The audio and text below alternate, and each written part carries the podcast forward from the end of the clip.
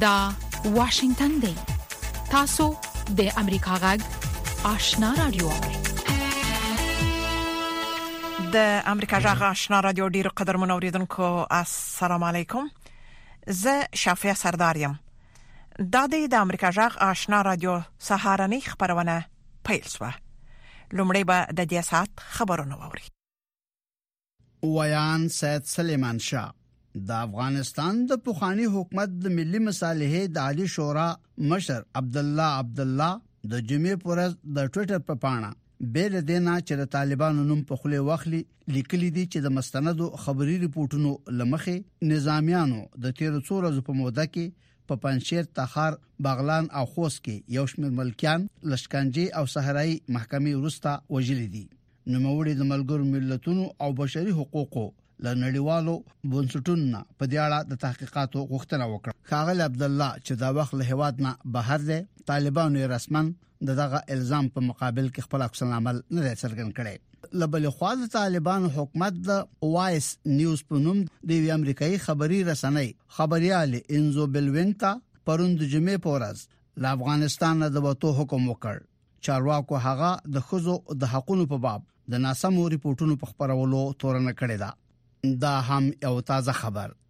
د متحده عربي اماراتو رئیس شیخ خلیفہ بن زید النهیان پرون د جمعې په ورځ د ثور په 14مه لوګدې ناروغي روسته د څلور او یا کلونو په عمر مړ شو نو مړ د مزغو د سکتې په ناروغي باندې اخته و د افغانستان لپاره د اروپאי اتحاد استاذ ټاماس نیکلسن کابل ته د خپل سفر په دوران کې د کابینې د غړو په شمول له لوړپوړو طالب چارواکو سره له ملاقاتونو وروسته د پنځشنبه په ورځ نا وخته د یو مطبوعاتي کانفرنس په ترڅ کې په افغانستان کې د یو ټول شموله حکومت د جوړېدو غږ وکړ نیکلسن زیاته کړه که څه هم چې اروپای اتحاد د طالبانو برحاله حکومت پر رسمیت باندې نه پیژني مشرانو سره د تماسونو ساتل او مذاکرات سرته رسول ارزښمند او ګټور دي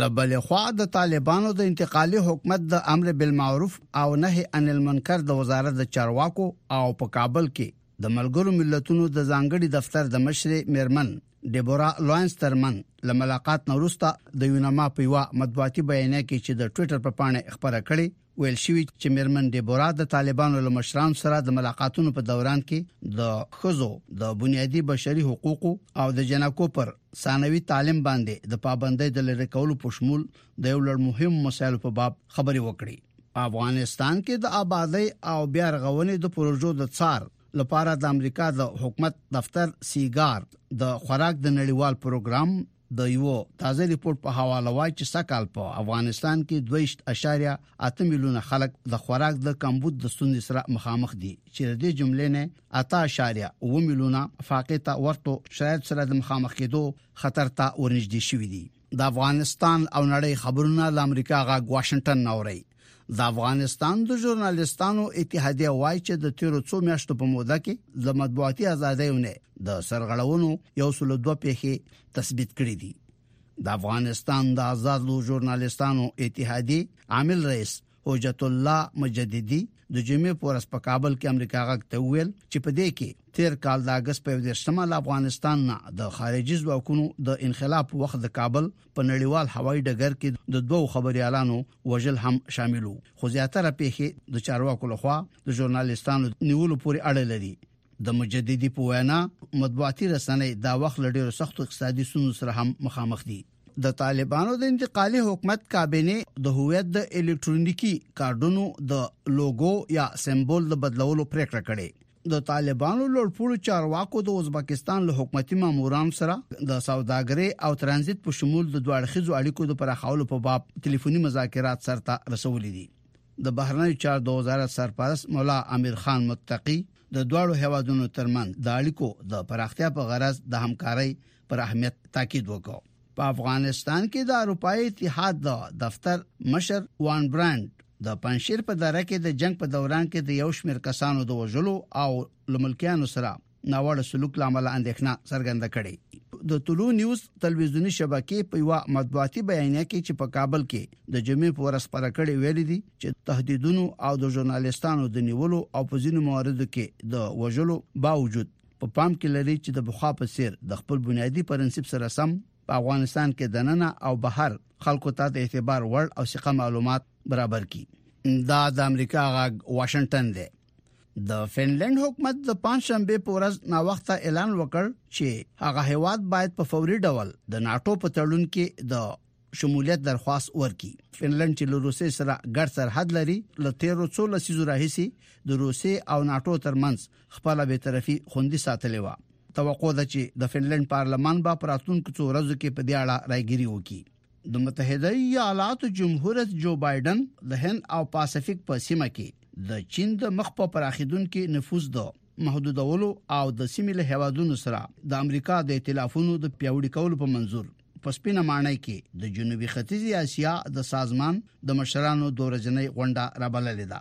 ملګري ملتونه وایي چې د افریقا د ښکار د سیمې په هوادونو کې د بیسارې وچکالۍ لامل په سلګونو زره خلک له خپل اصلي کلیو باندونه وته ته اړ شوې دي په یوکران کې د جنگ له پیل کېدو نه وروسته د لویدیځو هیوادونو لخوا د اقتصادي بندیزونو د لګولو لامل د روسي روبل او امریکایي ډالر ترمنځ د تبادلې خلا پراخه شوې ده په متحده ایالاتو کې د 2021 میلادي کال په دوران کې ل خپل ټاکلي حد نه د زیاتې دوا د خړول لامل له سلو زرونه زیات خلک مړ شوي دي او د الجزیرې تلویزیونی شبکې د ریپورت لمخې په داسې حال کې چې سکهال د امریکا په متحده ایالاتو کې د انفلاسیون کچه په فوق العاده توګه لوړه شوې د غټو غټو کاسینوګانو یا قمارخانو خوندانو په روانه میاشت کې 15.3 میلیارډ ډالر وګټل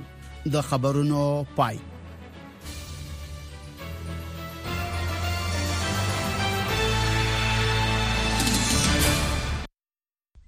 خبرونه مو د امریکا جغ آشنا رادیو څخه واوریدل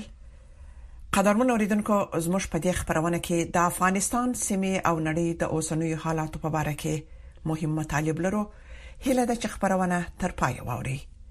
لومړی به خبرونه په دې مرکه سره پیل کو د افغانستان د آزاد خبريالانو ټولنې او د بي پولې راپورټ ورکوونکو ټولنې یو ورستي سروې شي چې په افغانستان کې د تیر میلادي کال د اگست میاشتې د سیاسي بدلون وروسته شاوخوا 40% رسنیو خپل فعالیتونه درولې 40% نارینه خبريالانو او 80% ښځینه خبريالانو خپل دندې له لاسه ورکړې دي دا چې اوس په افغانستان کې ازادې رسنۍ او خبريالان د کوم ستونزو او ګواښونو سره مخامخ دي په دې حق له په کابل کې د امریکا جغ آشنا رادیو خبريال اکرام شنواری د افغانستان د آزادو خبريالانو د ټولنې د اجرایوي رئیس حجت الله جاوید مجددي سره مرکه کړې مجددي صاحب تاسو په افغانستان کې د آزادو رسنیو وضعیت څنګه ارزوي افغانستان کې متاسفانه سلويخ سلنه زیات زموږ رسنۍ بند دي او د سره زموږ شپېته سلنه نارینه رسنیز کارکونکو او اتیا سلنه او زیات خزینه رسنیز کارکونکو خپل دند دین علاوه زموږ هغه رسنۍ چې فعال دي هغه هم ستونزو سره مخامخ دی یو خو دغه اقتصادي ستونزې دی بل هم د رسنیو اکثریت با تجربه کارکونکو د هیواد پرې خودل او بل هم د رسنیو باندې هغه ځنه تفریح او اجتماعي برنامو باندې چې ځنې مقررات وضع شوې دي او هم اطلاعاتو ته لاسرسي هغه ستونزه ده چې د رسنیو پر محتوا باندې تاثیر کړی دی او د سره ځنې د خبريالانو او رسنۍ کارکونکو نیونه چې په خوخي سره چې په دغه ورسته کې دغه لاړې بندې شوې دي او کم شوې دي دا هم رسنیز کار باندې تاثیر درلود. تاسو په تیرو نه میاشتو کې چې پخوانی رژیم ړنګ شوی او طالبانو اسلامي امارت واک ته رسیدلی د رسنیو د سرغړونو په اړه باندې څومره پیښې ثبت کړې دي موږ تقریبا یو سل دوه پیښې د اسلامي امارت راتګ نه ثبت کړې دي چې د دوی په منځ کې دوه وژل شوی خبريالان دي چې په هوایي ډګر کې په انفجار کې وژل شو چې هغه مسولیت داعش په غاړه واخستل او سلور هغه خبريالان لرو چې هغه دا کوي چې د ناپیژاند کسانو او یا وسلوالو لخوا جوړ شوې دي او باقي شپږ نوي پیخه د خبريالانو د نیونه لرو چې یو د یو څو تنه د یوه اونۍ نه نیولې تر یو میاشت پورې بند تیر کړی دی او باقی د یو ساعت نه تر یو ورځ دوه ورځې او دوی په منځ کې یو کس په یو کال بند هم محکوم شوی دی د محکمې لخوا خو په دغه ټول پیښو کې فقط دا چې یو محکمه ور باندې حکم کړی دی او یو بل هم پیښې سره شوې دي باقي دغه سل پیښې سره شوې نه دي زموږ غوښتنه ده چې دغه پیښې ټول وسره شي ک څوک په دې باندې ګرم کیږي د عدلی ارګانونو ته وروپېژندل شي ترڅو د خبريالانو او رسنیز کارکونکو وشي کولای چې په داده زړه خپل کار تر سره هغه رسنیو چې لا هم فعالیت کوي هغه د فعالیت د دوام لپاره ساسي وړاندیز سدي زموږ هیله ده چې نړیوال بنسټونه د افغانستان رسنیو مالی ستونزو ته پام وکړي او د سره د نن افغانستان کې اسلامي امارات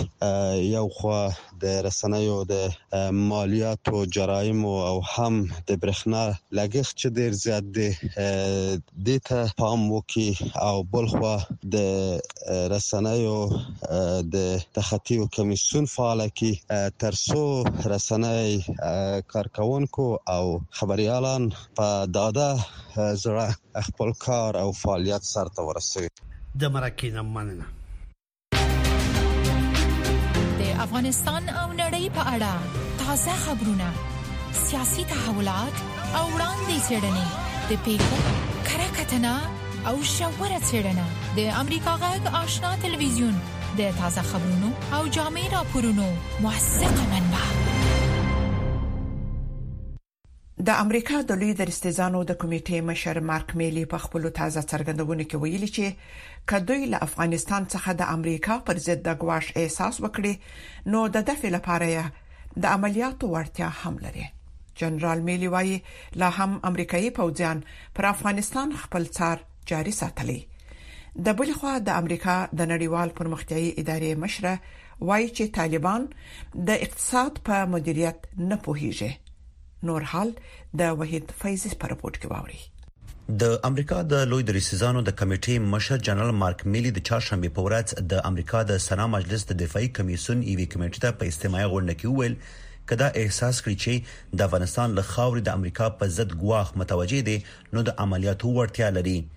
خغله میلی وای امریکایي پوځیانو لا هم پر افغانستان خپل څارګر فعالیتونه جاري ساتلي خو د دغو فعالیتونو د بڼې په اړه جزئیات ورنکړل موږ خپله څارنه جاري ساتلې ده جزئیاتو ته یې نه ورځم چې څنګه او کوم ډول میکانیزم دی له افغانستان څخه د متوجه ګواښ په صورت کې موږ د دې وړتیا لرو چې ضربتي عملیات ترسره کړو. په دې استماعي غونډه کې څرګنده شوه چې یو شمېر سناتوران لا هم په افغانستان کې داعش او القاعده په شمول د ترهګرو ډلو په اړه اندېښمن دي، خو جنرال مارک میلي وايي، دوی به هېڅکله اجازه ورنه کړي چې افغانستان یو ځل بیا د ترهګرو ډلو لپاره په امن ځای بدل شي.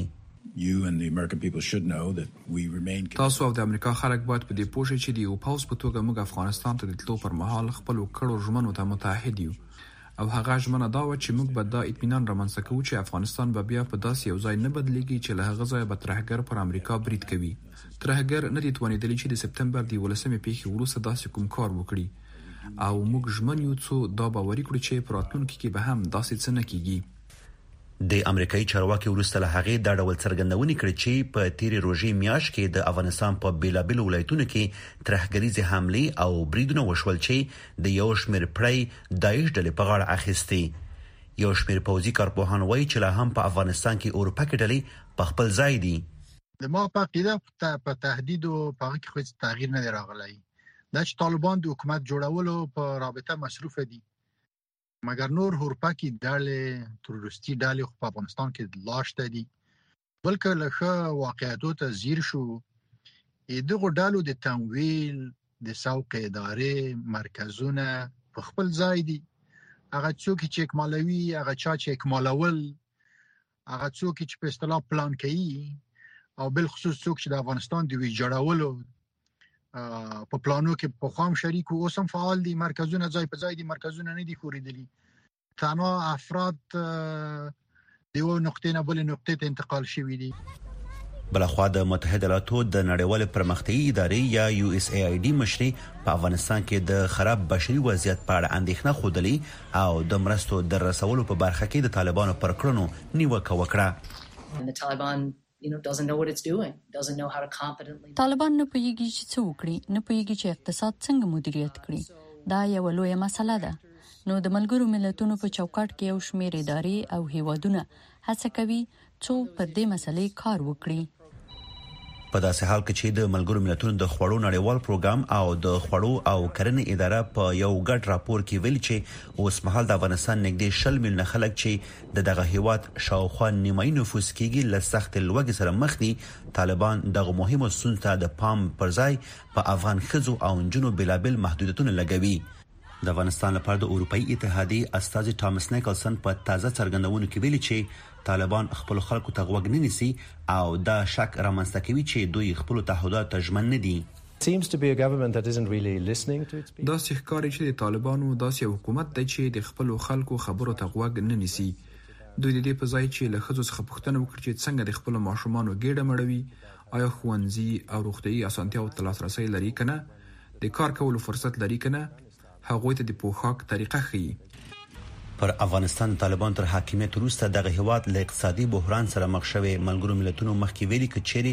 په دغه هیواد کې له اړمنو سره مرستې ونه شي شاوخوا اووه نوي سلنه خلک به په افغانستان کې له رامنځته شوي بشري وضعیت څخه اغیزمن شي.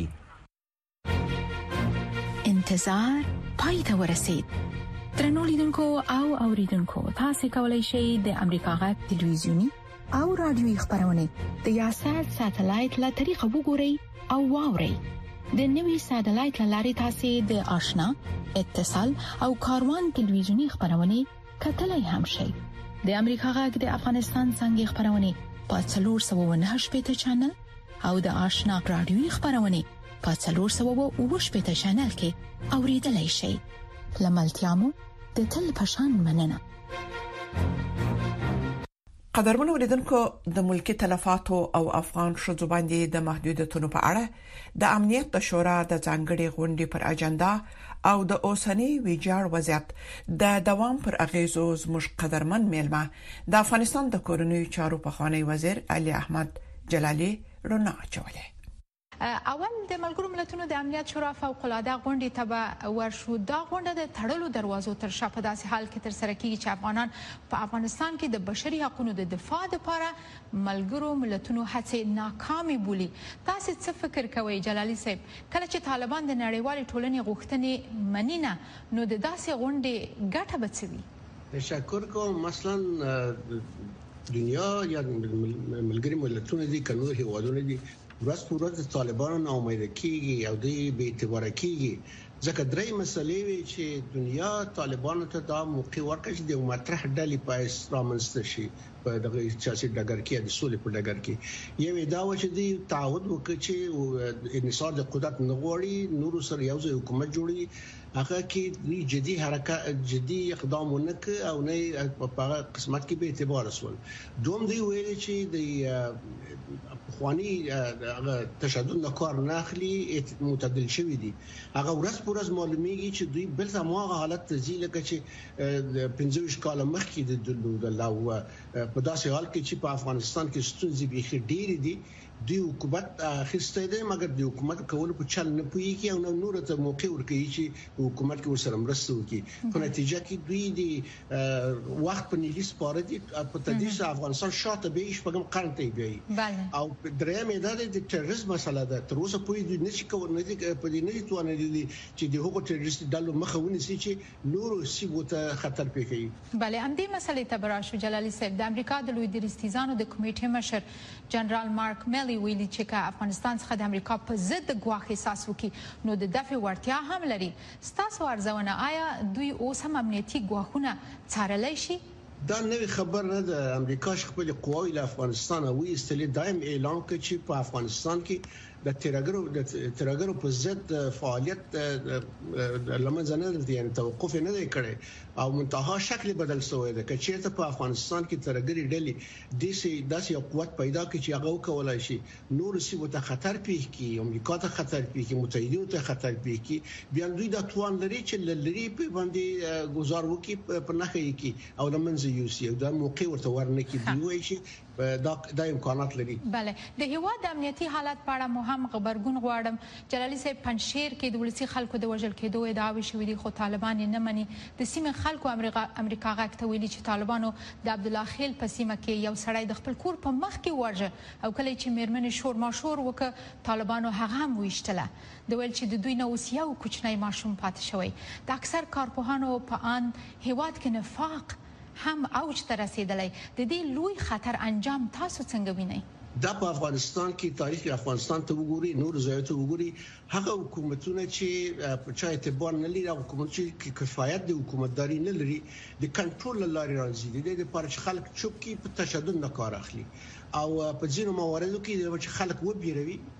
بیا نور په ملکی کسانو په کسانو چې تاسو به ګناه خلک دی په هغه باندې گزارونه کوي د دې لپاره چې بیره خبره کی ځکه هغه حکومتونه چې خلک ته بیزار وي هغه په دغه وسایل باندې غواړي خپل کنټرول ټینګ کړي بله د عرب لیګ ناتو او انټرپول د پولیسانو په ګډون د شاوخوا څلور اتیا هیوادونو او سازمانونو وزیران په مراکش کې د داعش د ډلې د ماتولو لپاره په نړیوال اعتراف باندې بحثونه کوي په افغانستان کې داعش څومره لوی خطر ګڼئ تاسو او نړۍ به د طالبانو په موجودیه کې په موجودیت کې البته څه وکړای شي چې د داعش سره مبارزه وشي؟ داعش یو خطر دی په افغانستان کې اما د طالبانو حکومت ته چې وګوري چې خلک یې بیزاره دي حکومت دا نشي کولای داعش زیاتره قوت اخلي زیاتره قوت کیږي په ایدئولوژیکي لحاظ طالب او داعش په منځ کې ډېر فرق نشته فعلا هغه څه چې داعش غواړي طالب هم هغه کوي په خلکو باندې منتها په سیاسي لحاظ د قدرت په لحاظ به شاید فرق ولري ترڅو چې طالبان په دغه ایدئولوژي باندې دوام وکړي داعش په ما حساب قوي کیږي زورور کیږي په افغانستان کې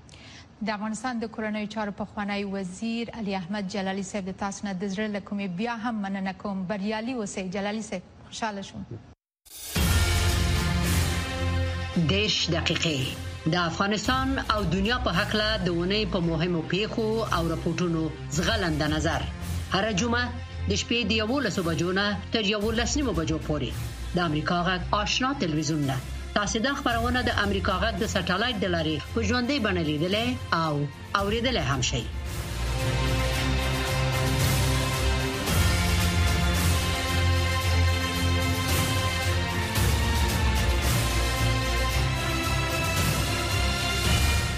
رپوټونه د امریکا جغ آشنا رادیو څخه اوري. قدرمن اوریدونکو کله یوې خو روسیا د اوکرين په جنوب کې پر اهدافو خپل بریدونو ته دوام ورکوي او د اوکرين او د ایسا سیمې ته پرمختګ کوي لبل خو د اوکرين جګړې په ټوله نړۍ کې د خوراکي موادو د لیږد سیستم او نرخونه مختل کړي د امریکا جمهور رئیس بایدن په کور د ننه کرنیز صنعت د وادي ورکولو لپاره د اقداماتو کولو هوډ کړی د ژاپوریژیا د جنوب د یو وړوکي کلي حالت د اوکراین د خونړۍ جګړې یو واقعي انځور وړاندې کوي. دلته د روسیې جنګي جیټ الوتکې، چې په کمه ارتفاع پرواز کوي، وړاندې له دې چې اوکرایني کلي بمبارد کړي، د الوتکو ضد میزایلو له وېرې پرېشنګونه پرېږدي. د دغو مانورونو پایله پر اوکرایني خاوره بربادي ده. د دونباس په دغه وړو کلو کې په مشکله انسانان موندل کېږي. دغه کلي د پوځيانو په مورچو بدل شوي او د پيريانو د کلو انځور وړاندې کوي. په ښکاره خاموشه، خو د اوکراين جګړه هم په دې کلو کې روانه ده. زموږ روغتيايي حالت موږ ته نور د دې اجازه نه راکوي چې له بمونو خوندي ځايونو کې پناه واخلو. هغه خلک چې له دې سيمو نورو ځايونو ته تللي، هغوی ته د زړه تکليفونه پيدا شوي. د بېلګې په ډول زما مېرمن د پړپوس له ناروغۍ سره مخ ده. هغه خلک چې موږ ته ډوډۍ راوړي، هغوی يې وېشي. دلته موږ یوازې دوه نفره یو. د اوکراین د جګړې له امله د غنمو، جوارو، حبوباتو، سرې او نورو موادو نرخونه په نړیواله کچه لوړ شوي. د امریکا حکومت وايي چې په ټوله نړۍ کې د خوراکي موادو نرخونه دیارلس سلنه پورته تللي. قدرمن اوریدونکو دا دی اوس به د امریکا غږ سرمقاله واوري چې د امریکا د حکومت نظر څرګندوي. د امریکا د استخباراتي ټولنې د تازه وخت د کلني ګواښ خبره شوې ارزیابي پیشګویي کوي چې ایران به د پراخ بدنیته نفوذي فعالیتونو سره یو سمایز ډار او خطر وي دغه راپور څرګندوي چې د امریکا شخصي انډیوالانو او ګټې د تروریستي نیابتي او د سورې د ناړامه رژیم لپاره د ایران د رژیم له ملاتړ نه په خطر کې دي همدغه راز د ایران مخ په زیاتیدونکو چمتواله چې په تیریکاون کې سایبری حملو کې ابوخشي برسیره پر دې ایران د خپل بالستیک توغندیو د پروګرام په باره کې کار ته دوام ورکوي او د هغو حدودو نه په اخوا چې د ایران د اتومي موافقې له مخې ټاکل شوي وو، ځینې اتومي فعالیتونه یې پیل کړي دي. امریکا له دغې موافقې نه چې د عمل ګډ جامع پلان یا JCPOA په نامه یادېږي، په دوه زره اتلسم کال کې د پخوانۍ ادارې په وخت کې وتلی وو. امریکا په تیر کال کې د جې سي پي او ای بشپړ عملي کولو ته د متقابل راستنېدو په سر د ایران سره په غیر مستقیم خبرو کې ده لکه څنګه چې د بهرنیو چارو وزارت نطاق نیډ پرایس ویلي هر چلینج چې موږ ورسره مخامخ شو او له ایران نه به ورسره مخامخ شو، په هر حال چې د نیابتي جنجال لپاره د دې ملاتړ دی، د تروریستي ډلو لپاره د دې ملاتړ، د دې د بالستیک توغندیو پروګرام، د ټولو نه به دا ډېره مشکله وي چې ورسره مخامخ شو که ایران د اتومي وسلو خاوند وي. لومړی شی چې موږ کوو هغه دا دی چې د ایران اتومي پروګرام بیرته په صندوق کې واچوو چې دغه چیلنج د میز نه ایسته کړو. په اتومي خبرو کې د پام وړ پرمختګ شوی دی مګر په دې وروستیو هفتو کې د یو شمیر نه حل شوو موضوعاتو په سر وځنډول شوې. نطاق پرایس په مطبوعاتي کنفرانس کې ویل امریکا د جې سي پي او ای د بشپړ عملي کولو د راستنېدو لپاره چمتو ده د څرګند کړه موږ د پراخه ډیپلوماټیکو کوششونو لپاره هم تیارو چې د جې سي پي او ای نه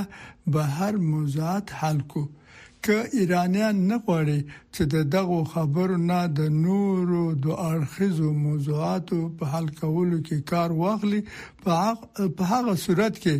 موږ باوري یو موږ په چټکۍ سره د جې سي پي او اې په باره کې یو تفاهم ته رسیدای شو. او په خپله د موافقې په بیا عملي کولو پیل کوو،